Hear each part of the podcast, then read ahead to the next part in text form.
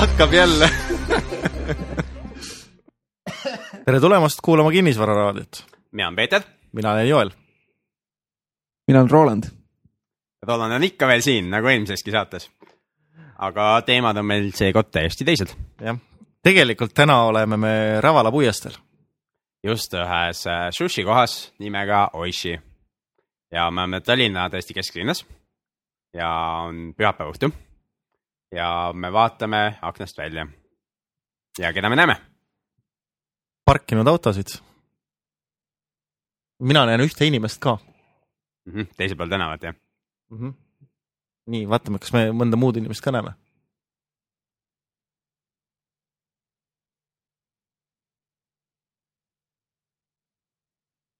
no buss läheb mööda nüüd. jah, bussis on bussijuht. Okidoki, aga mis me sellega öelda tahame, on see, et kuigi me oleme Tallinna kesklinnas ühes äh, enim käidavas tänaval, siis äh, tegelikult äh, ka siin liigub ikkagi äärmiselt vähe inimesi. ja kuidas see seotud on kinnisvaraga?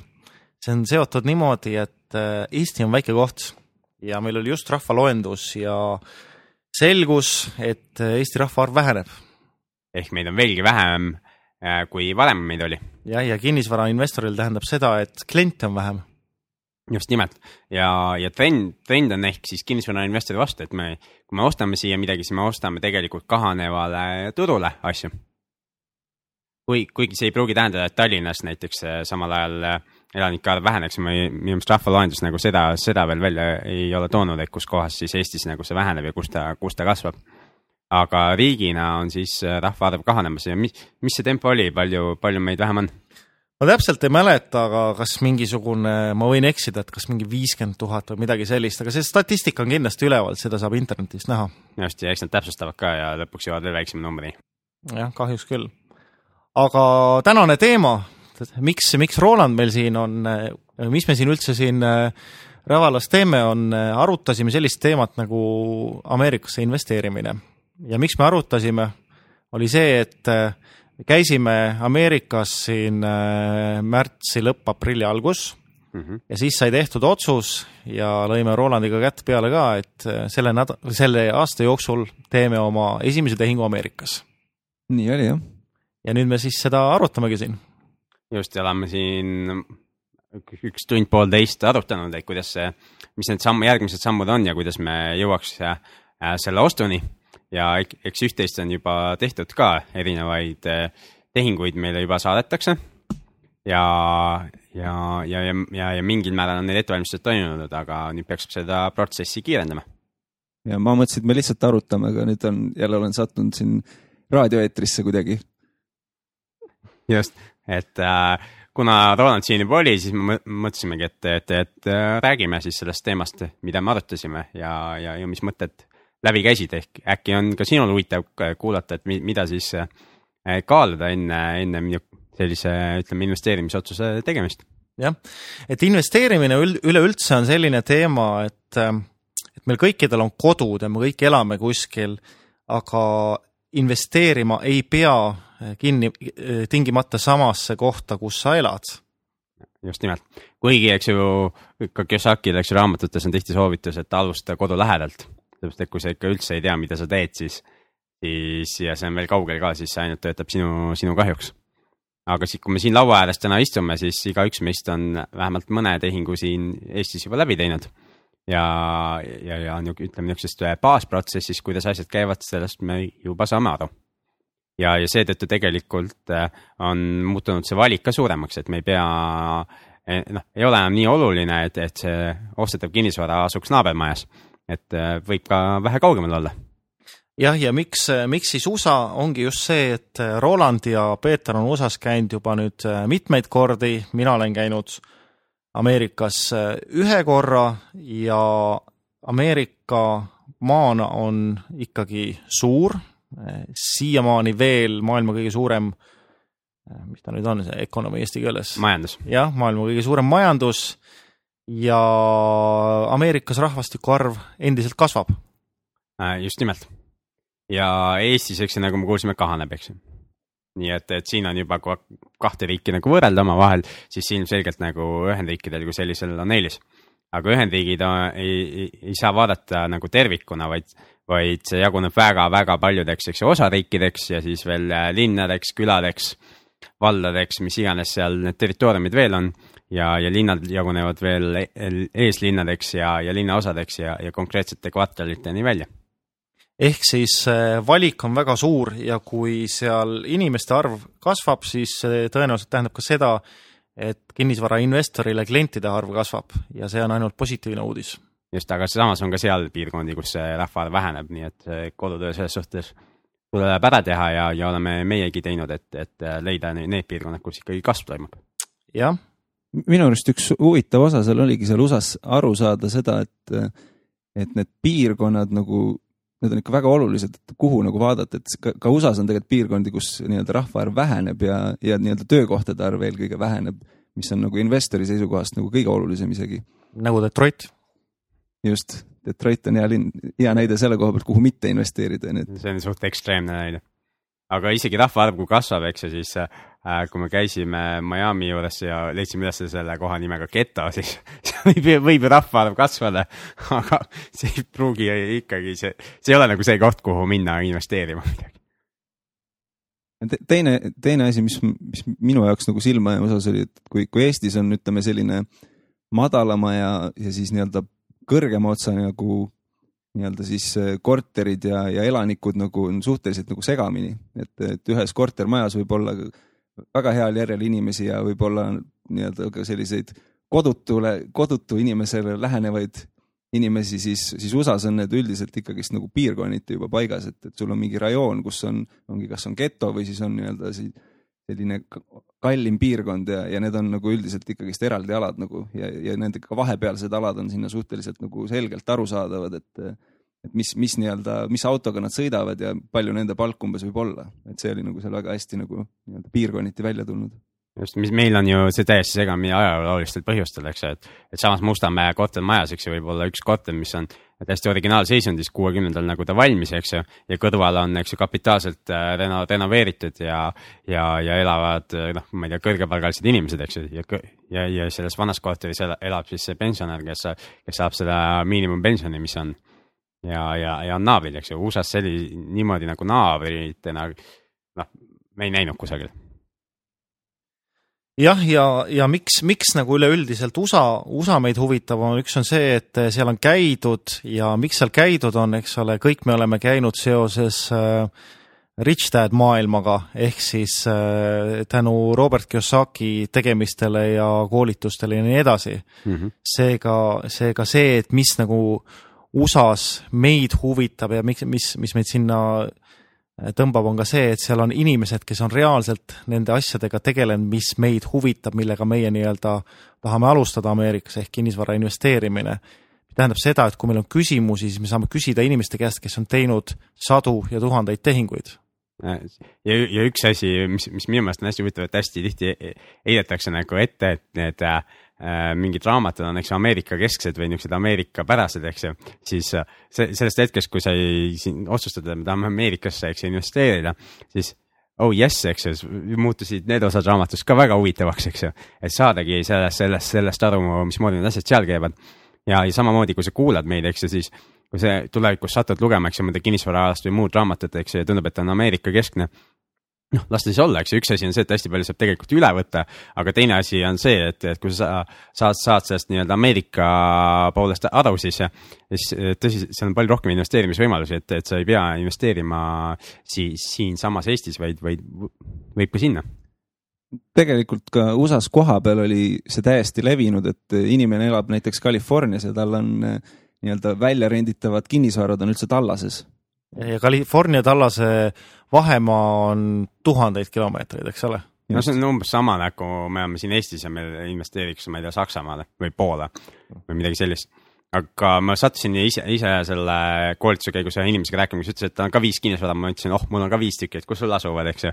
et, et mul on suht viie minuti kaugusel kodus, kodust on neli tükki ja üks on natuke kaugemal, nagu pool tundi pean sõitma siis, siis ta ütleb, ütleb mulle äh, viis erinevat osariiki, eks ju, täiesti viis erinevat linna ja, ja mul oli nagu, kuule, mis, mis mõttes, eks ju, esiteks. ja teiseks, et kuidas, kuidas sa nagu haldad neid või mis sa teed nendega?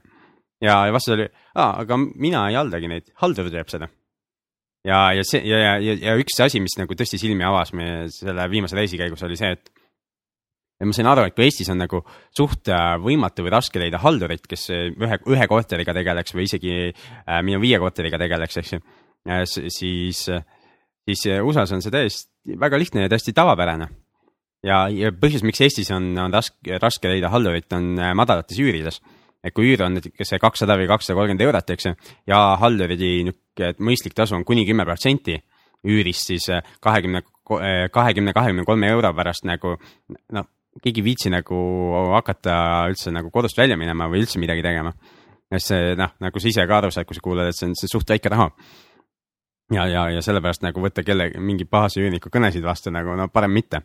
aga Ühendriikides need äh, üürid on suuremad, eks ju, väiksemate majade puhul võib-olla mingi kaheksasada, kaheksasada dollarit ja, ja, ja kui need on mingid neli pleksid ehk neli korterit ühes majas, noh siis, siis see üür võib olla mitu tuhat, eks ju, dollarit kuus. maja kohta. maja kohta just ja, ja, ja, ja sellest kümme protsenti on juba, eks ju, noh, kaheksakümmend kuni paarsada, eks ju, noh. ja, ja, ja, ja sellepärast juba võib võtta telefonikõne vastu mm. -hmm, absoluutselt, ehk siis äh, kokkuvõttes võib öelda, et Ameerika turg on tegelikult või üüriturg on palju rohkem arenenud kui Eestis, et Eesti üüriturg äh, praktiliselt on ainult kakskümmend aastat vana äh, jah, põhimõtteliselt küll, eks ju, midagi ennem ka vist lasti kedagi elada ka kusagil, aga, aga jah, põhimõtteliselt kakskümmend aastat või veel, veelgi vähem tegelikult normaalne üüriturg on tegelikult palju noorem, sellepärast et meil olid ju sundüürnikud tükk aega ehk reguleeritud üüriturg ja, ja, ja, ja see ja väga paljud on sellest ajast mälestused, ma tean, mu enda vanematel on sellest ajast mälestused ja need mälestused on nagu väga-väga niisugused negatiivsed, sellepärast et üüri sai vist oli neli krooni ruutmeeter oli maksimum mingi hetk, eks ju, mida küsida sai. Ja ja, ja, ja remontima umbes pidid ja nõudmised olid ei tea kui suured, eks ju. et, et, et siis, siis nagu kogu see asi oli täiesti mõttetu, kinnisvara oli täielik kohustus, täielik probleem ja jama ja hea oleks nagu lahti saada. aga täna, eks ju, üürid on ju oluliselt tõusnud, eks ju, ma ei tea, kaheksa või kümme eurot ruutmeeter, eks ju, see on hoopis, hoopis midagi muud. ja, ja, ja meil ka reaalne, reaalne üüriturg turg olemas, aga USA-s on ta tõesti palju rohkem arenenud. näiteks sama üks linn, kus me, kus mina kõige tihedamini käinud, Phoenix ja, ja selle eeslinnad, et et äh, kas mäletad, Roland, mitu protsenti seal on investeerimiseks mõeldud kinnisvara? investeerimiseks mõeldud. ja või, või, või tehingud, mida Chris meil ütles? Chris ütles, et kolmkümmend protsenti praegu tehtavatest tehingutest äh, teevad investorid ehk siis ost-, kolmkümmend protsenti korteritest või majadest, mis seal ostetakse, ostavad investorid praegusel hetkel. ja ja, ja ma sain aru, et umbes kogu turust on ka sama sarnane suurusjärk nagu investorite käes, et seal registreeritakse nagu seda, et kas see on owner occupied või mitte, ehk owner occupied on siis see, et inim-, omanik ise elab majas või, või korteris siis. ja Eestis, eks ju, meil käis saates külas, võite uuri-, otsida üles selle varasema saate, käis külas Tõnu Toompark, eks ju, kes ütles, et erinevatel hinnangutel äh, Tallinnas, kus on kõige suurem üüriturg, on eks ju viis kuni viisteist protsenti elamispindadest korteritest on siis äh, üürimiseks ja ta arvas, et pigem on sinna, pigem sinna viie poole kui viieteistkümne poole, eks ju. et, et Eestis on ikkagi oluliselt vähem levinud see ja, ja, ja, ja enamasti, kui üüritakse, siis ongi see inimesel nagu üks korter või noh, kui vaadata mingeid foorumeid ja lugeda neid kommentaare ka, mis Delfi siin mõni aeg tagasi tõmbas selle üüriteema jälle ülesse, eks ju siis see on näha, et esiteks noh, üürnikest on alati igal pool sigasid, eks ju aga, aga ja enam, aga ja enamus inimesi on normaalsed, eks ju. siis äh, Eestis on kuidagi see, et omanikud ei tea nagu, mida nad teevad. et tundub, et on väga palju nagu väga napakaid omanikke, kes, kes a la käivadki suvalisel ajal oma üürikorteris, eks ju, ei saa aru, et kui nad on selle üürimiseks üle andnud, siis, siis, siis neil ei ole asja sinna nagu ilma eelneva kokkuleppeta ja nii edasi. siis USA-s see Äh, omanikuks olek ja, ja, ja väljaüürimine, siis see on nagu nii palju rohkem levinud ja, ja, ja see on nagu nii tavaline, et selles ei ole mitte midagi erilist. et Eestis on see kuidagi eriline asi siiamaani. minu jaoks oli veel huvitav nagu just see, et, et siis teiselt poolt, et mis, mis on need piirkonnad, kuhu on mõistlik investeerida ja miks. ja, ja see oli nagu Äh, kui me Ken McElroy juures käisime tema kontoris, siis äh, tema nagu jagas seda päris palju ja, ja seda oli nagu huvitav kuulata, et just, et noh, näiteks kas San Antonio on linn on ju, kuhu, kuhu Ken McElroy investeerib ja miks on see, et, et seal on äh, kogu siis arstitööstus, USA arstitööstus ja see on, on, nagu paikneb seal, mis tähendab, et seal on kindlad töökohad. teine, teine oluline koht, suur linn oli Tallas, kus, kus on kogu naftatööstus. mõlemad on Texases. just, on ju. Ja, ja siis on ka Phoenix on ju, Phoenix on selle, Phoenix oli selle tõttu, et seal on lihtsalt kliima on selline hea, kuhu päris paljud inimesed kolivad, isegi arstid neil soovitavad sinna kolida elama, kuna see on tervisele kasulik. ja, ja, ja teisest küljest on see mingitel perioodidel ka üsna niisugune turistirohke piirkond. just sama, samal põhjusel, et et äh, talvisel ajal näiteks ma saan aru, et Ken McElroy ühed suurkliendid on erinevad need äh, äh spordimeeskonnad. Äh, need olid need äh, baseball tiimid, kes tal käisid jah, täpselt. kes üürivadki siis selleks nii-öelda talviseks hooajaks, kui mujal mängida ei saa, siis tulevad sinna ja üürivadki siis selleks, ma ei tea, kolmeks või neljaks või viieks kuuks nagu terved kortermajad, eks ju, sellepärast et need, kogu meeskond ja tugi, tugiisikud ja kõik tulevad nagu sinna. Jah, aga üks asi, mis, mis sa ütlesid, Peeter, mis mulle jäi kõrva ja mis on tegelikult investori seisukohalt hästi tähtis aru saada, on see, et oli juttu, et umbes kolmkümmend protsenti või sina ütlesid, Roland vist, umbes kolmkümmend protsenti tehingutest tehakse investorite poolt, see tähendab, et investorid ostavad. ja öeldakse, et alati tasub jälgida, kuhu raha läheb mm, -hmm. kuhu nii-öelda eh, targad inimesed või investorid oma raha paigutavad, selles mõttes see annab ka mingisugust aimu, et mis turul toimub, sest tavaliselt investor, kellel on palju kogemust, kellel on palju raha, kui ta teeb mingisuguse tehingu, siis ta on teinud suhteliselt palju kodutööd, ta teab, mida ta teeb. ja läheb, suhteliselt palju läheb aega, enne kui siis eh, hakkab juhtuma midagi turul ja siis, kui hinnad on kõrgel, siis tulevad nii-öelda tavalised inimesed, bussijuhid, taksojuhid ja, ja medõed ja kes iganes tavalised inimesed tulevad turule ja siis on juba seisukord turul muutunud. Ehk siis, ma tahan öelda, on see, et kui nüüd praegu investorid on aktiveerinud ostma, siis tähendab, et turul midagi toimub ja nad näevad võimalust seda küll, aga ma ei, äh, ma saan aru, et see kolmkümmend on pigem väike, et see protsent on seal nagu suurem ka olnud investorite poole pealt, eks ju. et kui väga palju in, nii-öelda investeeringuks ostetakse, siis võib ka tähendada, et nagu loll raha siseneb turule. no täpselt nii. nagu meil räägiti, äh, üks ma-, maakler, eks ju, kellega me seal, seal suhtlesime, kes meile nagu väga asjalikult äh, ringi näitas ja, ja, ja kelle abi me kavatseme nüüd kasutada ka seal kohapeal äh, nagu ta ütles, eks et selle buumi ajal väga palju Californiast investeeriti, eks ju, Phoenixi eeslinnadesse. ja, ja Phoenix, Phoenixi getadesse ka, sellepärast et see, neile lihtsalt saadeti pildid ilusast majast, mis oli ja naabermajadest ei saadetud pilte, eks ju. ja, ja, ja ostsid, ostsid nagu mingit kõikvõimalikku asja kokku, eks ju, lihtsalt äh, oodates kapitali kasvu. Äh, mis, mis siis oli selge, et mingil hetkel enam ei tulnud, tuli kapitali kõva langus et, et, et kui väga palju siin investorite poolt ostetakse, siis, siis on pigem nagu loll rahaturu. nojah. aga ma sain aru, et see kolmkümmend protsenti on nihuke te, terve, terve suhe, et need hinnad on nagu seal oluliselt langenud ja, ja, ja nüüd on esimesed niisugused äh, väikesed tõusud toimunud. vähemalt praeguse seisuga tundus küll, et see nii-öelda on tõesti selline tark raha, mis sinna on sisenemas, sest et nii palju, kui me ise nägime reaalseid tehingute hindasid ja, ja siis hinna, hinna ja siis ütleme siis rendisuhet, siis see oli nagu äärmiselt hea, et noh, näitena me käisime vaatamas ühte kolmkahendik maja siis, kolme magamistoa, kahe vannitoaga maja, mille turuhind, turuhind oli viiskümmend kolm tuhat dollarit ja seda saab üürida välja kaheksasada viiskümmend dollarit kuus paneme siis eurodesse, viiskümmend kolm tuhat dollarit on circa mingisugune, no mis ta on tänase päevaga, võib-olla mingi natuke üle neljakümne tuhande euro, eks ole mille neli, nelikümmend tuhat eurot, see on niisugune Mustamäe kahetoaline korter. just. ja renoveeritud ka ta on jah. jah, ja sa ütlesid, et äh, üüriti välja kaheksasaja dollariga, mis on niisugune circa kuussada euri. palju Mustamäe kahetoalise korteri välja üürib, kakssada viiskümmend euri võib-olla on või? kolmsada võib ka olla, aga mitte, mitte rohkem. Ehk siis seal on äh,, Ameerikas on kaks korda rohkem võimalik teenida sama rahaga. Jah, et eh, mingid eh, asjad olid seal ka teistmoodi, et, et kui va, nagu tervikpilti, eks ju, vaadata, et maakleritasu maksab siis eh, üürileandja, mis, mis on muidugi Eestis ka, ma saan, vähemalt osa maaklereid üritab tõestada, et see on järjest levinum trend, aga noh, praktika ikkagi näitab siiamaani seda, et üürile võtja maksab Eestis seda maakleritasu aga USA-s on nagu äh, ilmselgelt välja kujunenud, et üürileandja maksab ära, et ehk, ehk sul nagu ühe kuu üür aastas läheb nagu maakleri kui see on aastane leping, eks ju ja, aga mis see pluss oli, see või üks erinevus, mis ma alustasin, on see, et, et see üürilepingu katkestamine ei ole seal nii lihtne, et kui inimene tahab ikka ära minna, siis ta maksab leppetrahvi, mis Eestis on võlaõigusseadusega mingite trahvi, leppetrahvide küsimine üürnikult on selgesõnaliselt on keelatud.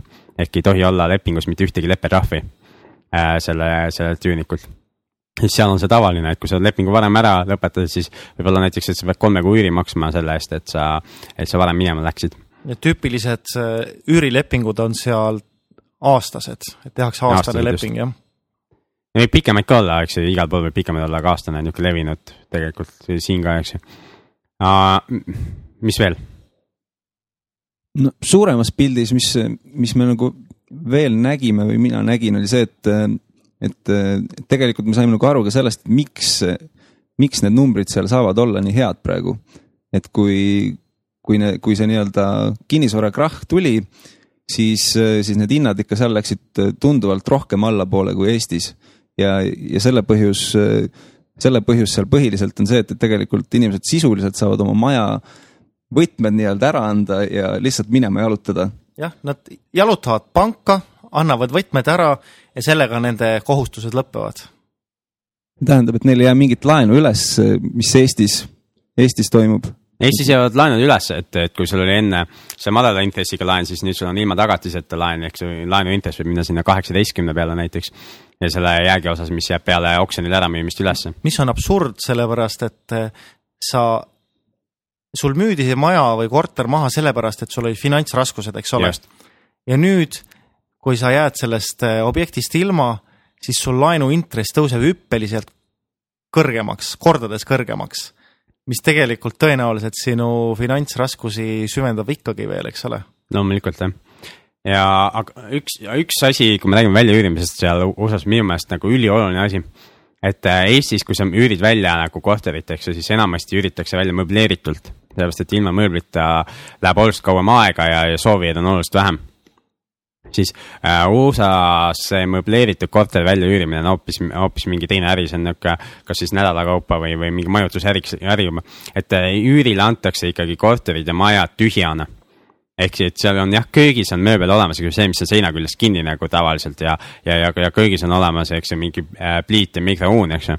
Mikrouun on muidugi väga oluline asi seal, eks ju, kõik asjad lähevad seal kiiresti soojaks. Oi, oi, oi, see Ameerika, mulle eriliselt meeldis see, Ameerika mikrolaineahjud on poole suuremad kui Eestis. muidugi toiduportsjonid on ka kahekordsed, eks ju, aga, aga muidu mööblit ei ole, tühjad seinad, tühjad põrandad, eks ju, tühjad laed ja, ja see teeb ju tegelikult asja palju odavamaks, et äh, et Eestis ju põhi, põhiprobleem ei ole ju mitte see, et siseviimistlus kulub, vaid see, et mööbel kulub ära. ja sa pead hakkama mööblit uuendama mingisuguse aja tagant, eks ju, ja kui olid halvad üürnikud, siis on see tihedamini, eks ju. aga USA-s nagu seda probleemi ei ole, siseviimistlus on ainuke, mida peab siis uuendama, mis tähendab siis sisuliselt ülevärvimist, uued vaivad. mis maksab ka, aga mitte nii palju, kui, kui oleks terve maja mööbleerimine aga mis siis nagu USA turul üldiselt toimub, et seal hinnad kukkusid päris kõvasti ja, ja äh, nüüd siis äh, tundub, et mingisugune korrektsioon on toimumas. et vähemalt mingisugune indikaatorid näitavad, et äh, hinnad lähevad ülespoole mm. -hmm. aga noh, ega kellelgi ei ole kristallpalli, et mis tulevik toob, eks ole, sest kõik, mis seal ja. poliitikas toimub, USA-s on valimised, et äh, ja valimised on seal suur asi, kui Eestis on nagu Ilves val, valiti uuesti presidendiks, eks ju, kedagi nagu eriti ei huvitanudki, sellepärast noh, suht ilmselge oli teist kandidaati ei olnud, that's it nagu, siis USA-s eks ju, kas Obama saab nüüd teiseks äh, ajaks, äh, teiseks perioodiks valitud või ei saa, eks, et see, see nüüd küll nii kindel ei ole. ja, ja, ja see teema on nagu väga-väga-väga suur teema. noh, ega tulevikku on ette ennustada alati raske, et aga, aga see, mis me nii-öelda olevikus nagu nägime veel ehk et miks, miks endiselt on hinnad seal nii-öelda head ja üks põhjus minu jaoks vähemalt oli see, et, et tegelikult see nii-öelda võtmete pangale tagasiandmise protsess käib nagu endiselt. Ja, ja põhjus on tegelikult väga lihtne, sellepärast et kui, kui inimene ostis seal omale buumi ajal maja ja ta maksi, maksab siiani kolm tuhat dollarit kuus pangalaenu selle eest ja ta vaatab, et tal naaber üürib tuhande dollariga siis. täpselt siis, samasugust maja, eks ole. täpselt samasugust maja veel ka, on ju. kui on arendaja, arendaja poolt tehtud, siis on ju seal, seal on kõik majad täpselt ühesugused, eks ju, mingit vahet ei ole, identsed. ja siis tekib küsimus, et oot, aga miks ma nüüd siis see loll pean olema, kes maksab kolm korda rohkem, et ma lähen annan ka oma võtmed ära ja üürin ka siis hoopis tuhandega. ja kui ma õieti mäletan, siis Ameerikas oli isegi selliseid juhtumeid, et et sa võid seal majas elada mingisugune päris, päris pikka aega, enne kui keegi sind tülitama tuleb seda küll jah, sest pankadel, pangad ju on, eks ju, probleemides, siis nad vähendasid tööjõudu, eks ju, aga, aga keegi peab need, kõik need avaldused ja asjad läbi töötama, et siis see on kohati on, on seal äh, veninud, aga viimasel ajal ma saan aru, et see on ikkagi kiirenenud uuesti. et siin veel aasta tagasi oli küll, sai lugeda selle kohta, et Las Vegases oli kaheksateist kuud nagu keegi ei võtnud sinuga ühendust, kedagi ei huvitanud, nagu siis jõudis pank nii kaugele sinu avalduseni, et okei okay,, vaatame nüüd, mis sinul probleem on mm. -hmm nii et äh, jah, et kokkuvõttes sihuke, et USA, USA on mei-, meil selline, meie ja meie kolme jaoks selline, kuidas ma ütlen, sihuke nagu see American dream, mida me, mida me tahame endale lahti seletada, et USA-s on käidud ja me näeme, mis on USA-s, aga meie jaoks esimene tehing on tegemata ja, ja see tehing on see, mis õpetab tegelikult kõige rohkem. esimene tehing USA-s siis, eks ju, esimesed tehingud siin on ju tehtud. Ja ja mis meil siis plaan on? me nüüd leppisime kokku, et äh, me tahame osta endale ühe fourplexi ehk siis äh, nelja korteriga maja. ja fourplex äh, tavaliselt, kuidas see maja välja näeb, ma Eestis ei teagi niisuguseid maju, et oleks või olete näinud?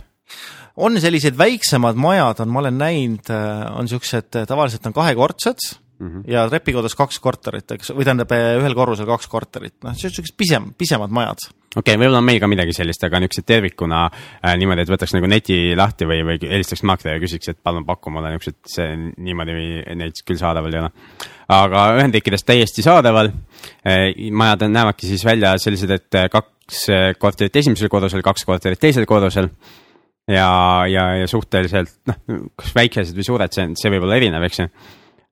ja, ja, ja neid müüaksegi tervikuna et vahest Adva võib ka üks, üksikult neid osta või müüa, aga see ei ole üldse nii levinud, et enamasti müü, müüb siis üks investor teisele investorile. jah, ja nad on tüüpiliselt on niimoodi, et äh, korterite sissepääsud on kõik väljast, et sul sellist koridori nagu Eestis ei ole, vaid äh, igasse korterisse on äh, väljast. just, et trepp, trepp nagu läheb väljast teisele korrusele. vot ja, ja, ja kui tahate, võite netist otsida, eks ju, panete neli sidekriipsi, kirjutate BLEX ja, ja, ja otsite Google'is pilte ja ma arvan, neid tuleb päris palju välja. jah, ja miks siis Fourplex, kaalusime igasuguseid variante, et osta ühe pere elamu ja nii edasi nii edasi, aga seal oli põhimõtteliselt, äh, Fourplexil on üks eelis niisuguse äh, ühe pere elamuga on see, et äh, kui sul ühe pere elamu nii-öelda klient kolib välja, üürnik kolib välja, siis sul üüri enam ei, ei laeku kuni selle hetkeni, kuni sul on järgmine inimene seal sees. aga Fourplexis sul see risk on neli korda väiksem, sest see tõenäosus, et sul kõik inimesed korraga välja lähevad, no kui on mingisugune looduskatastroof, siis, siis jah, aga, aga muidu see tõenäosus on suhteliselt väike. ehk siis äh, tõenäoliselt sa saad üüri palju, palju nii-öelda kindlama rahavoona kui, kui äh, ühe pere alamul ehk siis noh, tekib erinevad variandid, eks et sul on viiskümmend protsenti täis, seitsekümmend viis protsenti täis, kakskümmend viis protsenti täis. noh, ja, ja, ja see on, annab nagu mingit stabiilsust juurde. et sama ma kogen siin ka, eks ju, kui mul oli üks korter ainult, siis noh, ongi tühi või täis, eks ju, nüüd, kus on äh, viis korterit, eks ju ja, ja üks on veel kuus tuba, eks ju, kokku on kümme üürilepingut, eks ju, siis neid, neid variante, kui palju nagu rahavoogu laekub, on oluliselt rohkem ehk eh, tegelikult, mida rohkem kortereid eh, omada, noh, siis minu meelest eh, vähemalt selle rahavoo mõttes risk väheneb läbi selle. aga mis siis plaan on? no plaan on praegu nii-öelda üks, üks pool on nüüd ka see, et, et tegelikult sellise suvalise inimesena nii-öelda Eestist tulla ja teha kuskil USA-s mingeid asju, see on tegelikult niisugune suhteliselt ebareaalne, et, et sa lihtsalt hakkad otsima kõiki partnereid ja kuidas sa ettevõtte teed ja siis see, see, see protsess võtab väga kaua aega, et sa, sa kindlasti, kindlasti kohtad kümneid väga halbu partnereid, enne kui sa jõuad nende headeni. aga, aga meil, meil selles suhtes ongi nagu hea eelis, et, et meil oleme päris palju nii-öelda selliseid inimesi, keda me teame, et me saame usaldada. on, on juba ees. meil on tegelikult Rolandiga nagu eeltöö tehtud et me oleme ju käinud seal äh, aasta, aastaid ja aastaid, et ma esimest korda, ma ei mäleta, käisin kaks tuhat neli, kaks tuhat viis, eks ju, USA-s, aga aga mis aastal sa käisid esimest korda? kaks tuhat üheksa. okei okay., ja ma olen käinud äh, nende äh, Rich Daddy koolitustel, kus äh, üks asi on see, et nende koolitustel juba see osavõttetasu ei ole nii madal, kuhu igaüks tullakse, eks ju. vaid on olnud pigem sinna viis tuhat äh, dollarit ja, ja sinnakanti, eks ju. jah, see tähendab seda, et see, kui nii võib öelda, siis selle inimeste kvaliteet, kes seal käib, on kõrge, sest noh, andke andeks, aga sihuke tavaline inimene, kes investeerimisest ei taju midagi, ta lihtsalt ei tule sinna, kuna tal ei ole seda raha välja käia.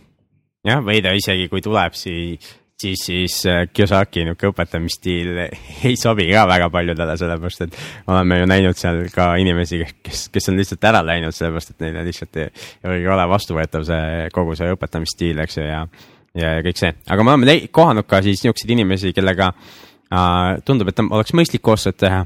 Ja me oleme äh, siis Phoenixis ühe välja valinud, kelle, kellega me kohtusime ka viimane kord, kui me seal käisime, me kohtusime tegelikult mitme inimesega, aga kes meile näitasid erinevaid objekte, aga siis ühe, ühe Chris'i nimelise valis, valisime nagu välja, kellega me tahame, tahame selle tehingu teha et üks asi on see, et ta saab aru, eks ju, kogu sellest maailmast investeerimise poole pealt, tal on endal investeeringuid seal.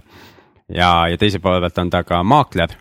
ja, ja, ja, ja, ja, ja maaklerina tegutseb, sest ta just otsib äh, niisuguseid investeerimiseks sobilikke, sobilikke objekte ja, ja nüüd tekib see küsimus, mis Eestis tihti tekib, eks ju, et kui maakler ja ta leidis midagi head, et miks ta siis ise ära ei osta? see on, see on väga hea küsimus, sellepärast et eh, noh, mis Ma Eestis, mis Eestis toimub selles osas? ma arvan, et maakler ostab selle ise ära. Eestis enamasti toimubki see, et maakler ostab ise ära ja, ja, ja, ja see ja sellepärast, et ta on maakler firmas, eks ju, kas teisi inimesi või, või ta võtab siis, laenab seda raha või, või mida iganes, eks ju, ta teeb, kui, kui midagi, midagi head nagu kätte saab, eks ju. aga kui Eesti on üks väike ja Tallinn on veel väiksem, palju Tallinnas elanikke on? ma ei tea, kas võib-olla nelisada tuhat või? Midagi niisugust, eks ju. ja kui me räägime Pho- Phoenixist ja, ja tema ees, Phoenixi eeslinnades näiteks, siis seal on elanikke üle nelja miljoni. ja neid maju ja kortereid on nagu ka sada korda või veel roh-, kordades rohkem, eks ju. ja lihtsalt eh, nii palju, kui see Crashi tahaks kõik ära osta, siis lihtsalt tal ei ole võimalik kõike ära osta. sest äh, saadaval ja pakkumises on äh, niivõrd palju häid objekte jah, ja aga see maakler ei ole tegelikult ainus inimene, kes, kes meie partner on, et, et meil ei ole ju sel hetkel ka veel ettevõtet ja, ja me ei tea täpselt, kuidas need rahad sinna liiguvad.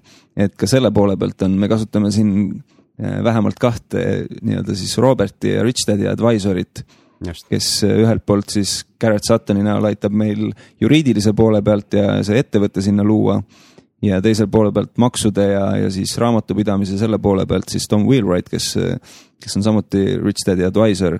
just ja tema, tema ettevõte siis.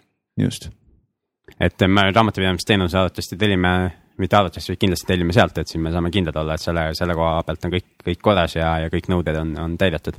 jah, et selles mõttes on päris, päris huvitav on, et äh, kindlasti osad meie kuulajatest on lugenud Rich Dad'i raamatuid ja selle seeria raamatuid, neid advisory raamatuid, Tommi ja just eesti keeles ei ole midagi ilmunud selles Jah. osas, aga jah, ja, ja Tom nüüd- Wainwrighti raamatut on, ma ei usu, et eriti keegi lugenud on, selles ilmus ju siis, kui me seal USA-s olime, saime esimesed eksemplarid. jah, aga noh, Garretti ja Kenni raamatud on olemas. jah, neil on juba pikemat Tom, aega Tom on tegelikult päris mitmes raamatust läbi käinud ka, et, et. kaasautorina. jah, et selles mõttes huvitav on see, et äh, tänane päev reaalne, reaalselt me räägime nende inimestega, et oma esimest tehingut äh, ellu viia ja see on meie jaoks, see on nagu väga suur riski maandamine, kui meid aitavad ja, ja noh, seda esimest te tehingut aitavad teha sellised inimesed, kes äh, on Roberti enda nõustajad. see, see juba räägib mingist kvaliteedist seda kindlasti jah. Pluss me oleme nendega palju kohtunud ja, ja nad on ju siin ka käinud, Tom, Tom Wheelwright oli kaks tuhat kümme suvel siin, et et, et, et, et niisugune kokkupuude ja taust on juba, juba natuke pikem kui siin mõned kohtumised. mm. -hmm. aga nüüd me oleme rääkinud, kui mõnus ja tore ja, ja kõik uhke see Ameerika on, et räägiks võib-olla mõndadest riskidest ka. et äh, esimene mis, mis risk, need veel on? mis need veel on? See... riskid jah, riskiplaan, see on see kõige viimane ja kõige lühikesem chapter sinu äriplaanis. kirjutad sinna, ei ole. ei ole riske jah, kõik on. ja konkurente ka ei ole ei ole okei okay,, tegelikult on äh, väga suured riskid olemas, eks ju. aga riske, riske on, on võimalik maandada, aga üks risk, mille me teadlikult võtame ja ei maanda mitte kuidagi, on äh, valuutarisk.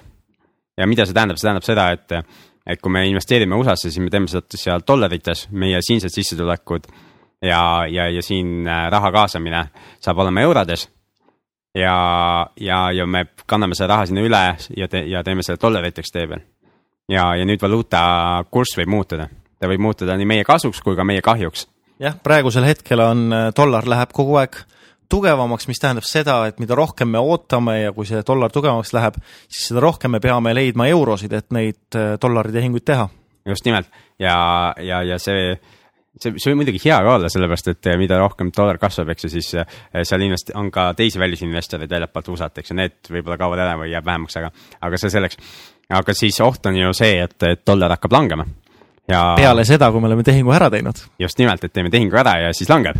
et siis, siis see juba võib nagu seda teenitavat tulu, tulu vähendada oluliselt see on, see on üks suuremaid riske ja seda, ja seda me ei hakkagi kuidagi maandama. no seda, see on jah, selline asi, eks ju, seda, see on meie mõjupiirkonnast väljas, me seda mõjutada ei saa. Ja, no seda saab maandada läbi forward tehingute ja, ja, ja igasugu muude asjade, eks ju. ehk on võimalik osta valuuta juurde sisuliselt siis väärtpaber, eks ju.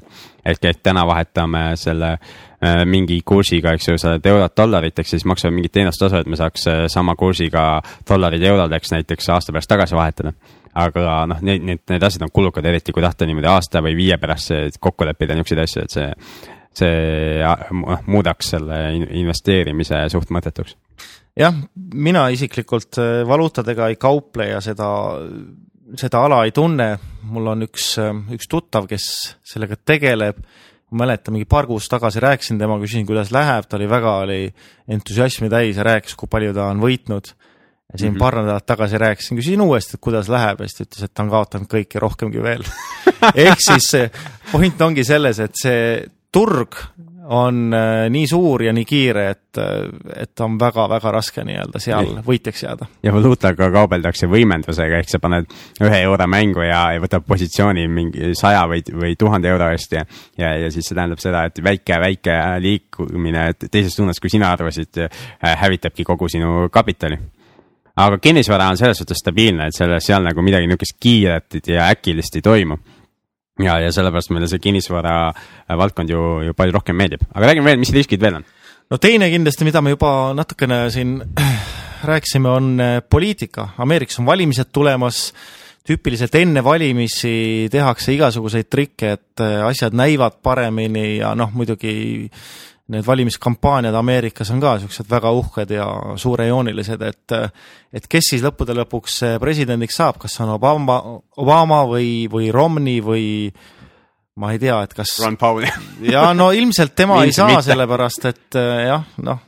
Aga ärme hakka pikemalt rääkima, sest me jäämegi siis rääkima USA presidendi kandidaatidest jah, aga põhimõtteliselt jah, et poliitika loomulikult mõjutab ka sellepärast, et mis nagu toimub üleüldse turul, rahaturgudel, mis toimub valuutaga, mis toimub, nii edasi. et äh, see kindlasti mõjutab. okei okay,, mis veel, Millal? distants. üks äh, suur risk tegelikult on ju see, et me oleme nii kaugel. meil on kümme tundi on aja erinevust ja kilomeetrites on ikka tuhandeid-tuhandeid kilomeetreid vahet ehk siis see, et kui sa nüüd ostsid oma, kui me ostsime oma objekti ära. ostame. ostame jah, ja, ja, ja siis meil on õnnelikud elanikud seal sees ja siis äh, üks varahommik meile helistatakse, et kuule, et kemmerg ei tööta, siis tõenäoliselt eh, lennata sinna kohale, et seda ma ei tea, parandada, siis see läheb suhteliselt raskeks ja kalliks. kahe kuu üür kuskil jah. no Fourplexi puhul võib-olla ei ole kahe kuu, ühe kuu üür kindlasti nagu, et ehk mingisugune üle tuhat eurot või, või viimasel hetkel piletit ostes võib-olla rohkemgi läheks nagu edasi-tagasi lennu peale aga, aga selles osas on meil ju ka kontaktid juba mõned olemas. ja, ja, ja, ja saame neid sealt läbi oma partnerite ju juurde leida. Mhm. noh, muidugi üks on see, eks ju, see et mis seal nagu korteris toimub, teine on ka kõik, kõik muu nii-öelda selle äri ümber, et meil maksud ja, ja kõik muud asjad, et see ongi alguses me rääkisime, et sa ei pea tegelikult olema, eks ole, füüsiliselt seal kohapeal mm, -hmm. aga kui sul puuduvad partnerid ja sellised partnerid, kelle peale sa võid nii-öelda, keda sa võid usaldada, siis läheb väga-väga raskeks just, et meil on vaja kindlasti haldurit seal ja, ja minu meelest nagu ma aru sain, meil tegelikult on haldur olemas, kes seda asja halda, haldama hakkaks. siis, siis tegelikult need WC parandamised ja muud asjad, need kõned lähevad ikkagi haldurile, mitte ei tule siia Eesti, Eesti Vabariiki, et hallo, WC ei tööta. Ja siis need, ja need kõned võivad olla ju hispaaniakeelsed veel. jah. Buenos dias. Hola, eks ju, Buenos dias, eks ju. ja WC ei tööta, eks ju, ups noh. aga selles suhtes on Fourplex hea, et vaata, siis saad vähemalt öelda, et mine naabri juurde. See on hea mõte, saada kõik naabri juurde.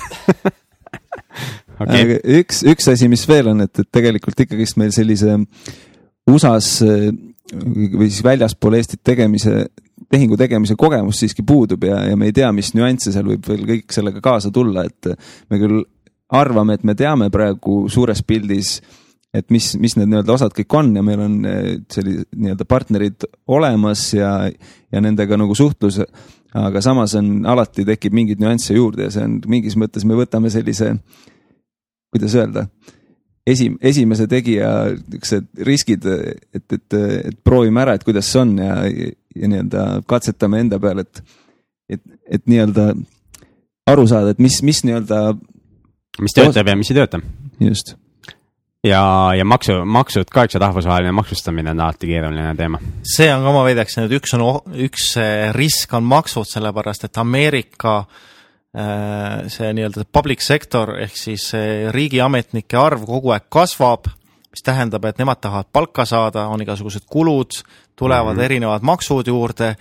see on ka selline teema, mida sa pead kogu aeg jälgima, võib-olla detaile kõiki ise ei pea teadma, aga sul on vähemalt keegi peab teadma koha peal. keegi peab teadma, sest äh, iga kord, kui mingisugune maks või midagi muutub, sa pead teadma, kuidas see mõjutab sind ja kuidas sa saad selle enda kasuks tööle panna just ja USA-s on ju kinnisvaramaks, mida meil Eestis, eks ju, üldse ei tunne, meil on maamaks, mis on, mis on küll äh, nagu kohati tundub inimestele kõrge, aga, aga tegelikult ikkagi üsna väike summa, et et äh, Ühendriikides on ikkagi kinnisvaramaks ja sellest sõltub väga palju ja kuna seal kohalikud omavalitsused on hädas nagu meilgi siin, see on, see on väga sarnane, eks ju siis ja Eestis on maamaks, eks ju, üks maksudest, mida kohalik omavalitsus endale saab, siis seal on kinnisvaramaks selleks maksuks ja kui kohalikud omavalitsused on hädas, siis nad äh, ikkagi lihtsam on tõsta kinnisvaramaksu.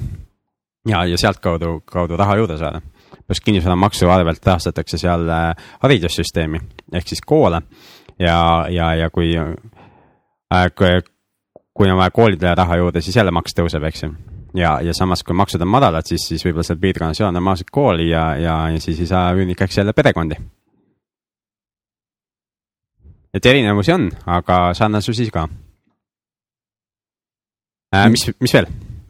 võib-olla, võib-olla veel juurde tuua, et inimsuhted, et siiski kuigi me nii-öelda neid inimesi usaldame, siis äh, tegelikult me ei tea ikkagi seda, et kui me sinna oma rahad reaalselt nii-öelda saadame neile ja et mingi tehing teha, siis siis me seda kogemust praegu ei ole, et mis need inimesed siis teevad. et, et see on ka alati ikkagist see, see oht on nii-öelda olemas. ja ega me seda raha ei anna nagu nende kätte ju, et, et sellepärast meil ongi, on ju plaan minna augusti keskel koha peale ja, ja, ja see nii-öelda ost-müük ikkagi ära vormistada seal siis isikliku kohalolekuga ja, ja, ja see, kui me teeme USA-s ettevõtte, siis me teeme ju selle, noh, avame seal pangakonto ja, ja muud asjad, eks ju, et siis selle, see pangakonto kontroll jääb, jääb ikkagi nagu siiapoole äh, ookeani. See on ka muidugi risk, et äh, mis poliitikas toimub, et kas rahad siirduvad sellel hetkel, kui sa tahad ja kui palju siirduvad jah, et see, see on ka igasugu huvitav, huvitavaid regulatsioone USA-s tulemas ja, ja, ja meilgi ja igal pool mujal, eks seda, et räägitakse mingi finants, finantsteenuste mingitest maksudest, maksudest ja kuidas teab, millest veel, eks ju. jah, pluss siis see veel, et äh, tundub, et üha populaarsemaks lähevad sellised äh, üritused nagu bank run et eh, seda oli Kreekas, nüüd oli mm -hmm. Hispaanias oli eelmine nädal. Et vaatame, et eh, kes on järgmine, kes seda korraldab. nojah, et siis, siis paljud inimesed võtavad pangast raha välja ja siis pangaga juhtuvad probleemid, sa mõtled seda? juhtuvad probleemid ja võivad tulla ka igasugused võib-olla ühe tehingu suuruse limiit või päevalimiit, mis tähendab seda, et ütleme, et äh, mingisugune hetk on summasid on kontol ja sa tahad siirdada ja siis ongi, et vot näed, ei saa, et siin on selline limiit, et äh, nagu Lä- Lätis selle pangaga oli mis, ja Leedus oli vist see Nordas pank või, mis, mis pankrotti läksid, siis tekkisid seal mingid limiidid, inimestel ei saanud enam raha välja võtta oma kontodelt. aga noh, see on nagu, on, ma arvan, et see on väike võimalus, kui me kasutame suurpankade teenuseid ja, ja, ja, ja teine asi on see. suurpangad, sa mõtled suurpank nagu Lehman Brothers näiteks? ja, ja just, just täpselt, täpselt sinna panemegi raha, aga et äh, see raha õnneks ju jääb sinna lühiajaliselt kontole. et me ikkagi äh, korjame selle raha siin, siin kokku, eks ju, oma investoritelt ja, ja ja teeme selle ülekande sinna ära äh, ettevõ-, meie US- USA ettevõtte arvele, eks ju. ja, ja sealt ka ta läheb siis sellele objekti müüjale edasi. ja, ja, ja siis, siis ju seal kontol enam raha ei ole vaata, Peeter, üks inimene. oh yeah. suht vähe inimesi liigub siin Rävala puiesteel täna. Jah.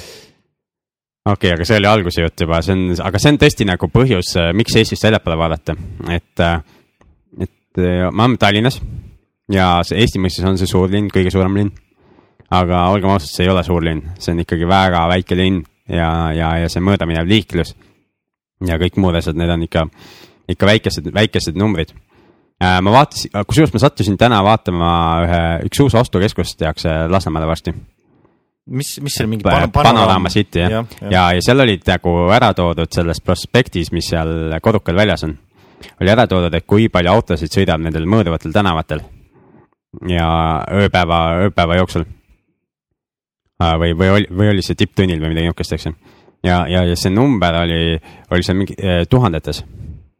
aga USA-s et kui me vaat-, käisime vaatamas seda kortermaja Keni oma, eks ju, siis, siis need mõõdem sõitvate autode arv oli kümnetes tuhandetes et, et need naljakas küll, aga, aga ja, suurusjärgud on täiesti, täiesti erinevad ja seal ei olnud ju ka mingi, mingi suure, suure tänavaga vist tegemist tegelikult. noh, seal Lasnamäel ka tegelikult Sm- Smuuli tee ja nii edasi, need noh, need on suured tänavad Tallinna mõistes, aga, aga tegelikult kui vaadata seda mõõdaminevat liiklust, siis see on ikka, ikka vähe autosid. täpselt nii. et need on need nagu põhjused suures pildis, eks ju, on nagu ilmselge, et, et me investeerimise mõttes oleme nagu valel turul siin Eestis. meie ainuke eelis on see kodulähedus, mis ei olegi nii väike eelis, eks ju. ja, ja see, et me teame, teame, mis siin toimub, eks ju. aga, aga siin nagu lõpmatuseni tõmmelda, noh, ei ole mõtet, eks ju, ja ja, ja sellepärast ma arvan, et see on hea mõte, et me selle, selle, selle tehingu ette võtame ja, ja selle ära teeme see aasta ja, ja tõesti, see saab olema teedrajav ja me kindlasti räägime sellest kinnisvara koolitusel, mis toimub siis kolmkümmend november, esimene, teine detsember. ja, ja siis koolitusest me räägime kunagi tulevikus kindlasti veel kinnisvararaadios, see koduleht hetkel ei ole olemas selle koolituse kohta veel. aga kui sind huvitab, jäta meelde. see, mis ma tahan nagu lisada veel, et põhimõtteliselt eh, kui me selle läbi oleme teinud, siis eh, mis me oleme õppinud, on põhimõtteliselt ikkagi protsess.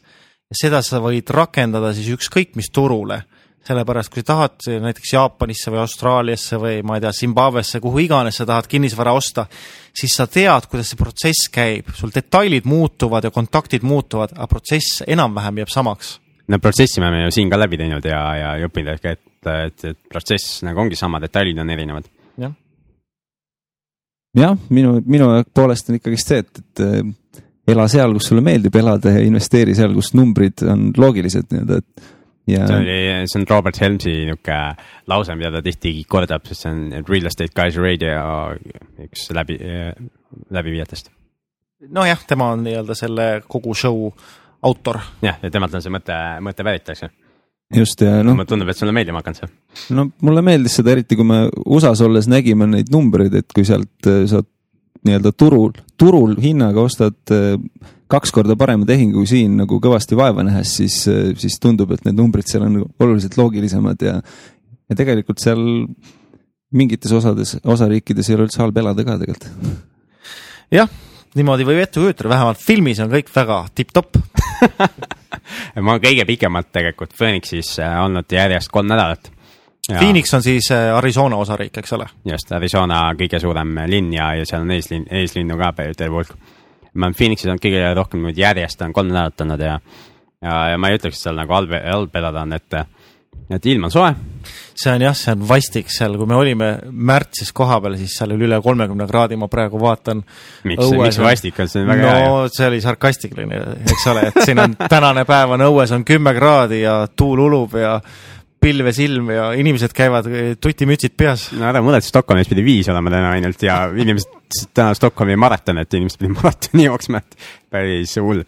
aga et, et seal on nagu hea soe, suvel on muidugi natuke liiga kuum, aga konditsioneerid aitavad ja, ja poed on lähedal, kõik, põhimõtteliselt, kui sul on, kui sul on raha, eks ju, siis äh, USA-s on ilmselgelt nagu lihtsam, lihtsam elada kui siin. Teenindus on nagu oluliselt parem eh, kui, kui Eestis.